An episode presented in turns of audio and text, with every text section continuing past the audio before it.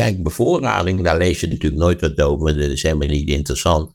Niet waar hoeveel kadetjes ze hebben voor die, voor soldaten die tenslotte eh, dan naar het front moeten. Kennedy schrijft ook wel wat over de immense logistieke problemen die je bij zo'n operatie hebt, waar dus honderdduizenden mensen bij betrokken zijn. Het verlossen, kunt u mij horen?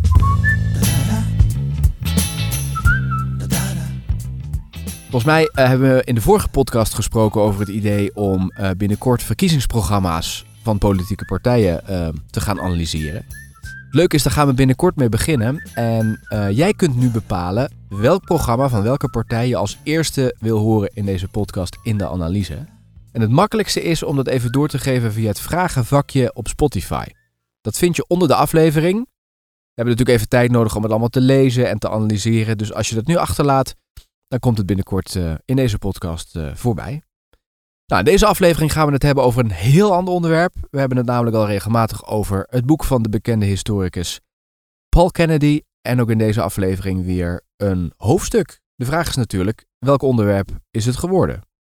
Ja, het is het zoveelste onderwerp over de Tweede Wereldoorlog, omdat ik dat zo'n leuk boek vond van die Kennedy, waar hij al die kwesties in feite nader analyseert en uitlegt hoezeer ook innovatieve oplossingen moesten worden verzonnen voor problemen die zich in de loop van de oorlog voordeden. En, en iedereen voelde natuurlijk wel aan zijn water aan dat een van de aller, allergrootste problemen zou zijn om weer terug te keren op het eh, Europese continent.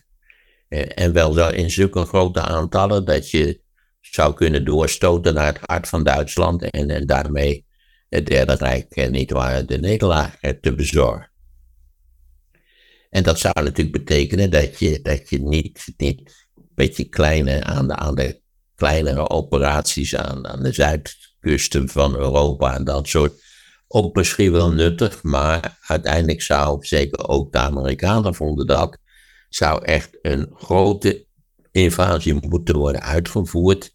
En liefst wel op een dergelijke plek dat je min of meer direct zou kunnen doorstoten naar het industriële hart van Duitsland. Nou ja, voel je al aankomen, niet waar, dat dat uh, natuurlijk toch een idee-achtige operatie zou moeten zijn. Er zijn een aantal landingen geweest, eh, zowel in Noord-Afrika als op Sicilië, als twee landingen in Italië, eh, Anzio eh, en, en nog een andere. Eh, die, met name die landingen in Italië, die waren bepaald niet erg glorieus verlopen. Daar hadden ze toch vrijwel direct weer te maken met het bekende probleem dat de Duitsers ongelooflijk snel en effectief konden optreden als dat noodzakelijk was. Dat is een van de wonderlijke dingen natuurlijk van die Tweede Wereldoorlog, dat toen die Duitsers stuk in feite al lang verloren hadden. We hebben het hier in feite over 1943. Dat ze nog steeds enorm effectief en snel konden optreden en dat, dat ze qua vechten nog steeds beter waren dan de meeste geallieerde troepen die ook zeker de Engelsen altijd voorzichtig aandeden als het erom ging om tegen de Duitsers te vechten, want ze wisten wel dat de Duitsers daar wel erg goed in waren. Dus er waren meerdere landingen geweest die ook, ook niet zo verschrikkelijk goed verlopen waren. Eh, ondanks het feit dat uh, de geallieerden ook bij die landingen al beschikten over eh, overweldigende luchtsteun eh, en voldoende materiaal maar kennelijk toch qua leiding niet effectief genoeg. Of misschien waren de, nou ik zeg het aantal mensen wat ze aan land zetten niet effectief genoeg. Of het terrein was niet zo geschikt. Kortom, het waren wel interessante leermomentjes voor een veel grotere operatie die op de rol stond. En dat was die day. En Stalin had natuurlijk graag gezien dat die day in 1943 had plaatsgevonden, want het zou natuurlijk toch een hoop druk hebben weggenomen van het oostfront viel dat misschien wel mee. Maar het was echt zonneklaar dat die idee, eh, dat dat in 1943 onuitvoerbaar zou zijn. Dat, dat ze nog niet onvoldoende materiaal hadden om een dergelijke operatie uit te voeren. Wat de vraagstuk, wat zijn de condities om in feite een zo omvangrijke amfibische operatie uit te voeren in West-Europa? Daarvoor is het van essentiële betekenis dat je voldoende materieel hebt. Dat wil dus zeggen dat de aanvoer van Amerikaanse troepen en Amerikaans militair materieel, die moest verzekerd zijn. We hebben het gehad over de slag op de Atlantische Oceaan. Die was in de loop van 43, zeker tegen het eind, was die slag gewonnen. Dus kon materiaal uit, eh, uit de Verenigde Staten min of meer onbeperkt aangevoerd worden. Ik weet niet hoeveel Amerikaanse soldaten er tenslotte in Engeland klaar stonden, maar het, het liep in de miljoenen. Daar kwam het eigenlijk in grote trekken op neer. Dat was conditie 1. Conditie 2 was dat je boven dat, boven dat gebied waar de amfibische operaties zich zouden voltrekken, dat je beschikte over absolute, overweldigende meerderheid eh, in de lucht. Dus dat je veel meer toestellen in de lucht zou moeten hebben. Bovendien, en dat was natuurlijk een essentieel probleem, als je die landing uitvoerde, eh, en dat men had ook besloten dat over een vrij breed gebied te doen, en misschien moeten de mensen het even opzoeken, nietwaar? Je hebt eh, drie stranden waarvan al Engelsen zijn geland, en de medewerkers en twee stranden waar Amerikanen zijn geland, Omaha en Utah. Het beroemdste van de landingsgebieden is Omaha geworden, maar dat kwam eigenlijk omdat op de, alleen in Omaha zich echt hele grote problemen voordeden en het enige tijd kantje boord is geweest of ze veilig aan land zouden kunnen komen. Maar voor die tijd moeten we eerst even natuurlijk ons afvragen waarom dat landingsgebied. Dit is de Franse kust en kijk maar even op de kaart en dan zie je niet waar vanaf de Engelse zuidkust zo naar beneden. En, en het was echt natuurlijk een, een, operatie van een unieke omvang.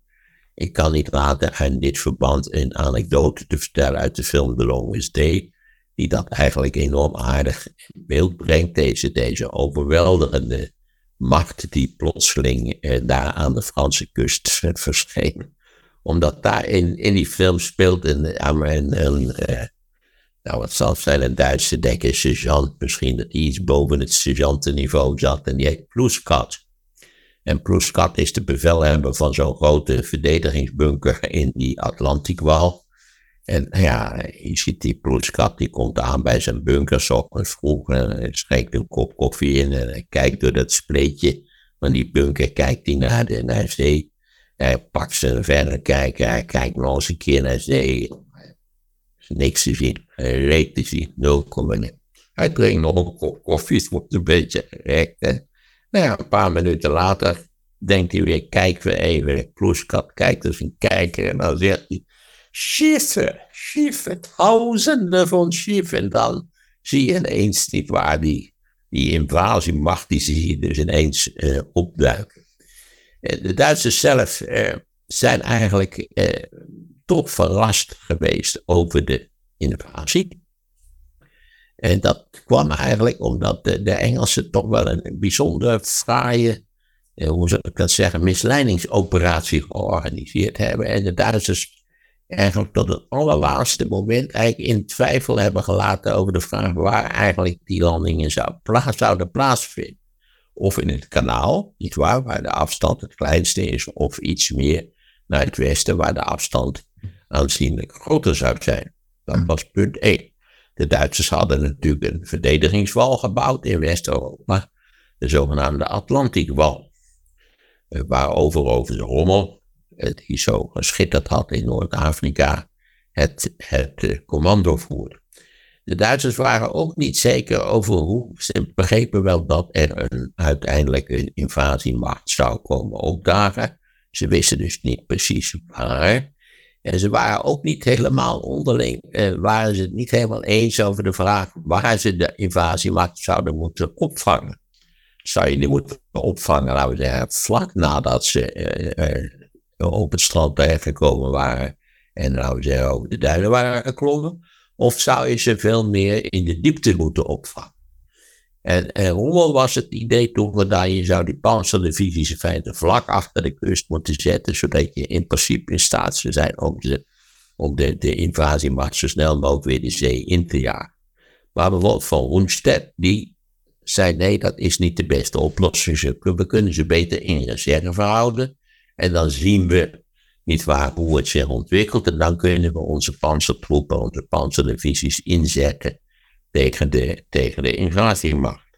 Waardoor eigenlijk aan de Duitse kant een zekere onzekerheid bestond over uh, hoe moeten we het, het probleem het, hoe kunnen we het beste aanpakken. Uh, wat natuurlijk, en dan keren we even terug naar de geallieerden, wat natuurlijk van essentiële betekenis was, was dat je speciaal materiaal nodig had om een invasie uit te, uit te voeren. Dus je had op grote schaal landingsboten nodig. Grote landingsboten, kleine landingsboten, landingsboten waarmee je een tank op de kust zou kunnen zetten, van alles en nog wat.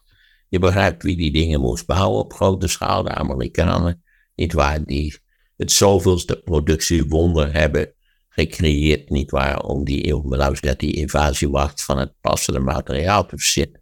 Bovendien had je natuurlijk ook nog een, een enorme vloot nodig, dat konden de Amerikanen en de Engelsen samenleveren, omdat ook van belang was dat je dat ook de artillerie, die in een vloot is natuurlijk uitgerust met kanonnen en hele grote schepen met hele grote kanonnen.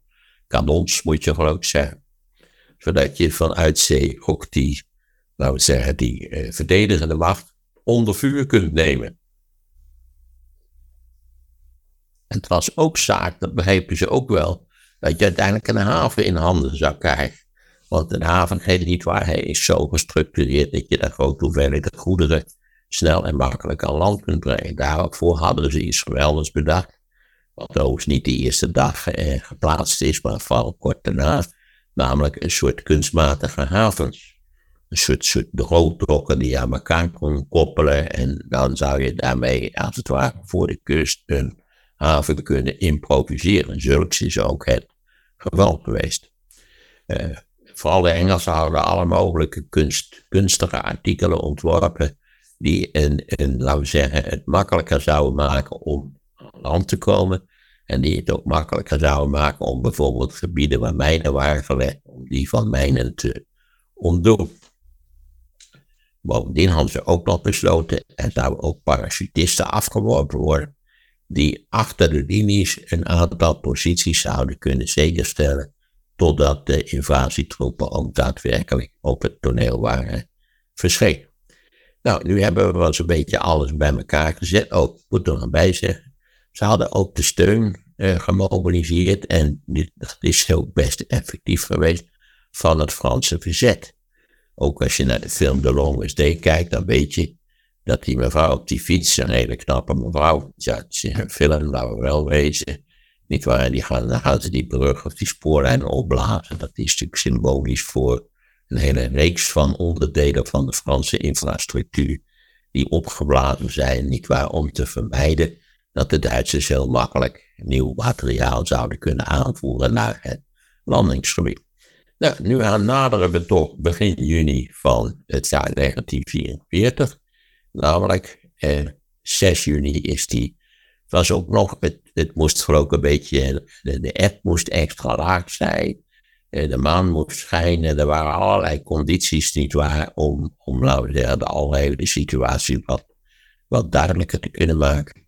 En toen was er eh, eigenlijk op die dag zelf was het bar slecht weer. Dus de kwestie was, doen we het of doen we het niet? En nou ja, uiteindelijk heeft Eisenhower besloten om het te doen. Kennedy heeft nog een mooi verhaal. Dat Eisenhower, ik geloof dezelfde avond nog een brief heeft geschreven voor het geval het zou mislukken. Hoe die dan, hoe die dat verklaart en hoe die daar dan op zou reageren. Is de inhoud van die brief ook bekend? Wat? Is de inhoud van die brief ook bekend, wat daar precies ja, staat? Ja, maar hij legt uit, het zou ook kunnen mislukken. En, en als het mislukt is, is, ben ik de verantwoordelijke partij en, enzovoort. Ja, nou is hier natuurlijk een beetje de held. Die was de opperbevelhebber van de geallieerde troepen geworden. Uh, zeer tot de ontevredenheid van Montgomery. Die had gehoopt dat hij het zou worden, maar zo, dat is niet gebeurd. Ik denk dat Eisenhower een veel betere opperbevelhebber was dan Montgomery ooit had kunnen zijn. Onder andere omdat ik denk dat Eisenhower een veel intelligenter man was dan Montgomery, maar daar zullen we het nu verder niet over hebben. De Duitsers dachten op die 5e, 6e, 7e juni, nou ja, het is bar slecht weer. dat de kans dat, dat die invasiemacht dat die nu gaat komen, die is 0,0. Dus die hadden ook geen alert uitgedeeld aan hun diverse troepen. Ik moet er dan bij zeggen dat de geallieerden niet waren om de Duitsers te misleiden een hele leger hadden opgesteld uh, van opblaasbare tanks en opblaasbare vrachtauto's. Wat tijdelijk onder leiding stond van Petten, die daar natuurlijk boelend over was. Een vrij een vrij fraai gebeuren. Dus de Duitsers waren eigenlijk toch op het moment dat het daadwerkelijk gebeurde onvoorbereid. Interessant is ook wel dat die parachutistische acties, die zijn eigenlijk mislukt. Dus die parachutisten die zijn geland over een enorm breed gebied. En, aan de ene kant was het mislukt, maar de mislukking bleek een groot succes, omdat ze over zo'n breed gebied geland waren dat de Duitsers niet precies begrepen wat er aan de hand was en wat precies de bedoeling van die parachutisten was. Dus dat creëerde nog een, aanzienlijke hoeveelheid verwarring. Nou ja, zoals gezegd, de, de landing is er tenslotte op 6 juni uitgevoerd. Eh, op de drie, uh, Juno, Sword en, en uh, in ieder geval die, op die drie standen, dat is allemaal heel goed verlopen. Sowieso was het aantal slachtoffers wat ze verloren bij de landing was veel kleiner dan ze initieel gedacht hadden. En met name ook het Amerikaanse stand Utah, daar was eigenlijk maar weinig aan de hand. Ze zijn, daar is het heel snel en goed verlopen. Het moeizame strand, ik zei het al, was Omaha. Daar was meer tegenstand dan ze verwacht hadden. De lokale situatie, ook met een strandwal, was ook niet ideaal. Uh, zij hebben het materiaal vaak te vroeg in zee afgezet, waardoor ik geloof van de tanksven is 90% is verloren gegaan. Dat zag er allemaal heel behoorlijk uit. Ik kan iedereen van harte aanbevelen om de film The Longest Day te gaan bekijken. Ik vond het een geweldige film. Eigenlijk speelt The Longest Day in, op het strand wat Utah, uh, sorry, wat Omaha genoemd is. Omaha Beach, dat, dat was het. Je kunt daar trouwens nog steeds gaan kijken. Er standen van die van die noodhavens, die zijn ook nog te zien. En eigenlijk al die Franse dorpen langs die kust, die leven eigenlijk van het, van, laten het monumentale karakter van de, van de, van de landingszone. Al met al, aan het eind van de eerste dag, kon je niet anders besluiten dat zelfs op Omaha dat het een succes was geworden. Eh, vervolgens hebben ze in no time enorme hoeveelheden materiële mensen aan de hand gezet, maar het heeft nog verrassend lang geduurd voordat ze in staat waren om, laten we zeggen, uit het bruggenhoofd te breken. En dat ging weer samen met, zoals gewoonlijk, de enorm effectieve en, en tegenstand van de Duitsers en de verrassende gevechtskracht van de Duitsers. Ten slotte stort dat in en dan, dan gaat het ook in een gigantisch tempo. Parijs valt eind augustus, eh, Antwerpen valt begin september.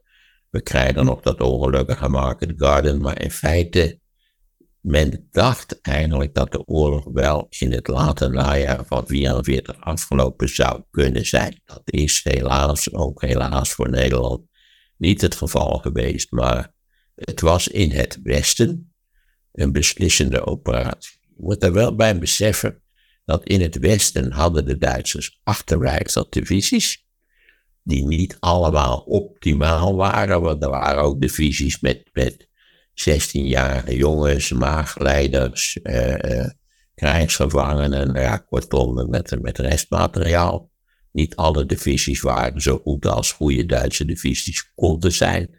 En tegelijkertijd waren natuurlijk van het Oostfront meer dan 200 Duitse uh, divisies, maar die hebben het tegen de Russen niet weten te redden. Dus ik wil maar zeggen, stel voor dat er niet aan het oostfront op nog veel grotere schaal zou zijn gevochten, dan is maar de vraag niet waar of een landing überhaupt mogelijk zou zijn geweest.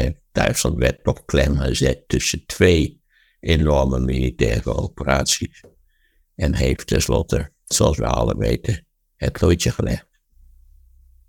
Dat is eigenlijk dat, dat, ja, wat ik al die tijd heb zitten bedenken eigenlijk. Dat als je ziet hoe complex zo'n grote amfibische operatie is, wat voor speciaal materiaal je nodig hebt, hoezeer je eh, superioriteit in de lucht nodig hebt, hoezeer je ook superioriteit waar, op het water nodig hebt, dan denk je nog steeds, omdat we dat de hele dag in de krant lezen, dat de Chinezen van plan zijn om Formosa te veroveren, wat overigens 150 kilometer uit de Chinese kust liggen, zaken.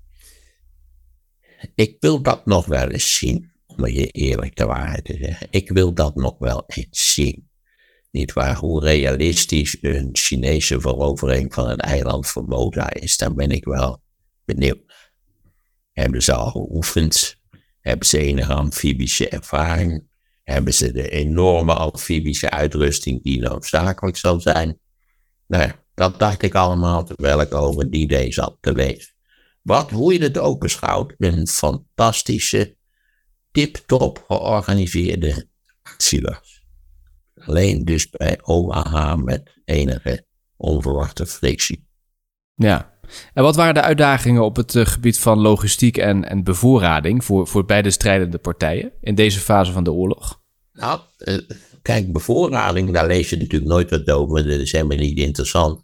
Niet waar hoeveel kadetjes ze gebakken hebben voor die, voor die soldaten die tenslotte eh, dan naar het front moeten. Maar dat staat, Kennedy schrijft ook wel wat over de immense logistieke problemen die je bij zo'n operatie hebt, waar dus honderdduizenden mensen bij betrokken zijn, die zo bovendien die zo bewegen in, in een in immense ruimte. En die mensen moet je allemaal op tijd eten geven. Eh, en bovendien, als het kan, nog een beetje voedzaam eten. Dat, dat, zijn, dat zijn gigantische operaties, even afgezien van de logistiek die noodzakelijk is om die mensen allemaal wapens te geven, om die tanks uh, niet waar van benzine te voorzien. Uh, ik geloof dat de Sherman op benzine liep tenminste.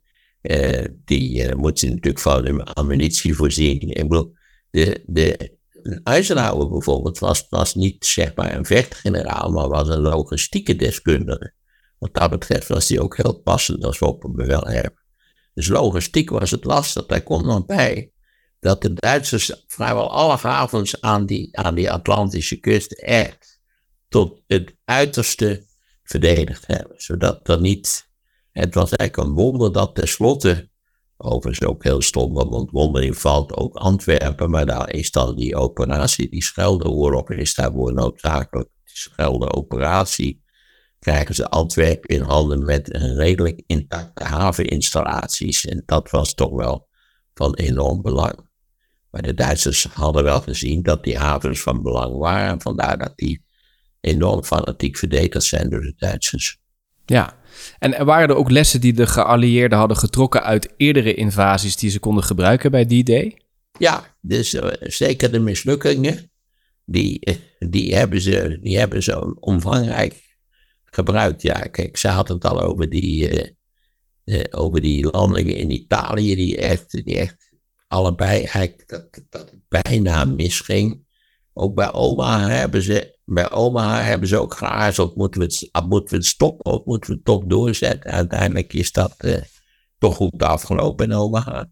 Maar zeker uit van al die andere amfibische operaties die ze al hadden ondernomen, dus in Afrika, Sicilië, twee keer in Italië, daar hebben ze van alles van opgestoken. Ja, ook in de organisatorische opzicht. En kun je daar voorbeelden van noemen? Nou, eh, met name dat je, eh, als je landt, was het ook weer, dan heb je een beach officer nodig. Er moet een man zijn met een soort bordje, die zegt, jij wordt daar naartoe, jij wordt daar naartoe. Als er iets vastloopt, dan moeten ze duwen, dan moet het aan de... Aan de en en dat, dat bleek een, ja, jij lacht er ook om, maar dat, bleek een enorm belangrijk perronchef die daar op het strand eh, de zaken in goede banen leiden. Dat bleek een enorm belangrijke figuur te zijn. En bovendien was het belangrijk dat je, dat je bij elk stad in feite een man had op een schip die dan dus, weet ik twee kilometer voor het strand uh, voer, uh, die ook die overzicht hield. Die zorgde dat die, dus het zit er meer in organisatorische aspecten dan, dan in directe materiële aspecten. Die immateriële aspecten waren wel in orde. Daar geldt toch voor wat we al, meerdere malen geconstateerd hebben, wat ook in dat boek uh, How the War Was Won zo, zo uit, uitgebreid uit de doeken wordt gedaan. Nou ja, dan haal je de slot is ook een gigantisch show. eh, veel meer materieel hadden dan de Duitsers, dat het in dat opzicht natuurlijk ook een heel andere propositie was. Hmm. Dat geldt zowel aan de oostfront als aan het, aan het westelijke front. Ja. Het is ik, ja, ik wil het verder niet, ik wil al niet altijd pro-Duits klinken, het is echt wonderbaarlijk wat de Duitsers nog met beperkte middelen tot stand hebben weten te brengen, militair gesproken. Ja. Hey, en hoe hebben geheime inlichtingenoperaties uh, nou bijgedragen aan het succes? Ze hebben, echt, ze hebben die Duitsers echt ingrijpend weten te misleiden. Ik zei al, er waren hele divisies van, van heet het, uh, met lucht opgepompte tanks, neptanks, nepvrachtauto's. Dat was allemaal uitgesteld daar in Kent, in die, in die zuidoosthoek van Engeland. En dat heeft enorm goed gewerkt. De Duitsers, met name van Roenstedt en ik geloof ook Hitler zelf, die, die dachten eigenlijk dat, dat het op een andere plek zou komen. En van Roenstedt in ieder geval, die de hoofdbevelhebber was ter plekke, die heeft heel lang gedacht dat, dat die idee een afleidingsoperatie was voor een operatie die veel verder naar het noorden tenslotte volledige vorm zou krijgen. Ik moet dan nog zeggen dat ze ook een, een, een soort van uh, oefening hebben gehouden. Op, dat is de reet op Dieppe. Uh, ook zo'n kustplaatsje met Canadezen in 43. En dat is volkomen mislukt. En daar hebben ze ook ontzettend veel belangrijke conclusies uitgetrokken. Hmm. Dat je bijvoorbeeld, ja, dat je dat als je natuurlijk naast van meteen een soort van loodrechter een rotswand hebt, dat dat misschien niet de ideale locatie is. Want zijn vooral de Canadezen hebben daar eh, weet ik, wel een duizend man verloren of zo. Dat Franse verzet is ingezet natuurlijk vooral om de infrastructuur, eh, voor zover die nog functioneerde, om die eh, buiten, buiten gevecht te stellen, buiten werking te stellen. Er moet wel bij gezegd worden dat het hele gebied enorm zwaar gebombardeerd is om die infrastructuur eh, uit te schakelen. Wat dat betreft hebben die, hebben die Fransen die daar woonden wel ontzettende pech gehad. Sommige van die, van die kleine steden zijn volledig aan geschoten. Ja. Hey, en als je nou kijkt naar wat er gebeurde na die day tussen de uh, dynamiek tussen de asmogendheden, maar ook tussen de geallieerden, zie je daar dan zaken veranderen na die day? Ja, aan de west, de ten eerste had je natuurlijk aan het oostfront was, uh, en dan hebben we, kijk, vanaf 43, vanaf de zomer van 43 komt het oostelijke front in beweging in westelijke richting. Dat wil zeggen, de Duitsers voeren alleen nog maar een defensieve operaties. Daar waren ze overigens hartstikke goed in. Maar dat ze aan het oostfront verloren hadden, was in, aan, in de loop van 43 al duidelijk geworden.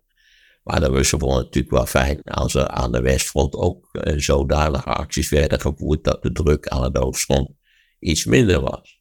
Je ziet aan het westelijke front, ik had Eisenhower en Montgomery heb ik al genoemd, daar zie je een verschuiving, omdat de Engelsen natuurlijk toch, ja, het was wel de minor party tenslotte, omdat het Amerikaanse materiële en ook, ook personele overwicht groter en groter en groter werd. Dat schrijft Kennedy ook. Ja, stel je voor dat die idee een mislukking zou, zijn, zou zijn op de Engelse stranden. Niet waar, dan waren de Engelsen eigenlijk een beetje, nou ja, die hadden niet veel reserves meer over. Daar kwam het eigenlijk op neer. Militair was het toch een relatief kleine partij.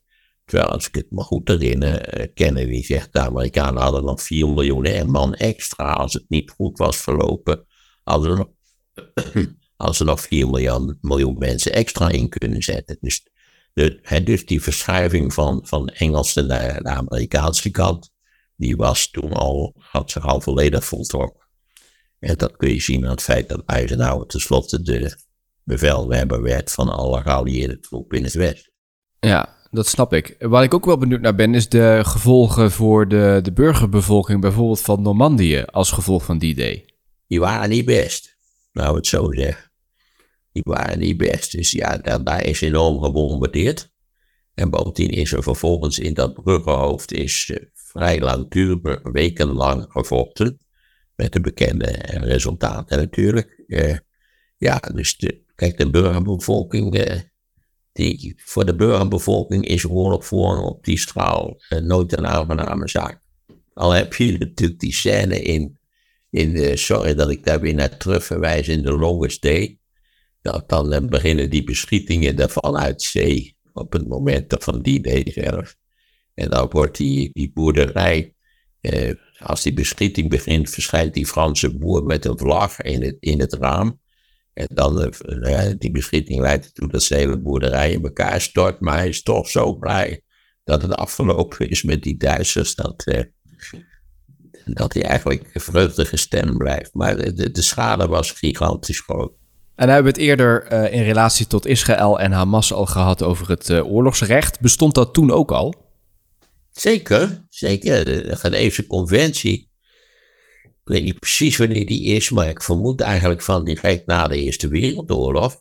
Uh, dus ja, die bestond. om nou te zeggen dat, dat de heren bevelhebbers, denk ook aan de Russen in dit verband, elke avond nog even de Geneefse conferenties door. Het is een Geneefse oorlogsrecht doornemen. Nee, dat moet je niet voor. In de praktijk, in de praktijk is alles anders. ik, ik, ik, weet niet. er, is, er is zeker gediscussieerd over die, over die bombardementen en de gigantische hoeveelheden burgerslachtoffers die daarbij vielen. En in, Duitsland zijn natuurlijk de de centra van vrijwel alle grote steden weggebombardeerd, vergeet dat niet. Daar was natuurlijk een deel van de bevolking al vertrokken. Maar het wonderlijke was dat bijvoorbeeld het bekende bombardement op Hamburg, 43 is dat, 40.000 40 doden. En dan denk je toch van, ja, dan zal de industriële productie in Hamburg wel minder zijn geworden. Nee, de industriële productie nam toe omdat wat ze raakten, wat weggebombardeerd was, bij het stad was het stadscentrum. En, en, de industrie staat zelden of nooit in het stadscentrum natuurlijk. Het staat in in de buitenwijken. Dus je ziet dat het stadscentrum van Hamburg wordt weggebombardeerd. Waardoor ook alle winkels weg waren, al het winkelpersoneel kwam en in, in de fabriek aan de slag. Dus je ziet dat de productie in de regio Hamburg toeneemt door het vernietigende bombardement van de stad Hamburg. Dat is wel vrij curieus natuurlijk. Ja. Ik heb het inderdaad even opgezocht. Het eerste uh, verdrag van de Geneefse Conventie is van 1864 en het laatste in 1949. Oh, dus dat is veel eerder al. Eigenlijk al. Nou ja, ik weet niet. Dan is misschien, uh, ze heeft ook de Amerikaanse burgeroorlog er nog aan bijgedragen. Dat weet ik niet precies. Ja, 19e eeuw, dat begint mijn kennis ook al heel, heel, heel veel vager te worden. Dus uh. Maar ja, ja, of het, ja, er is op allerlei momenten discussie over die dingen geweest. Of het tenslotte doorslaggevend is.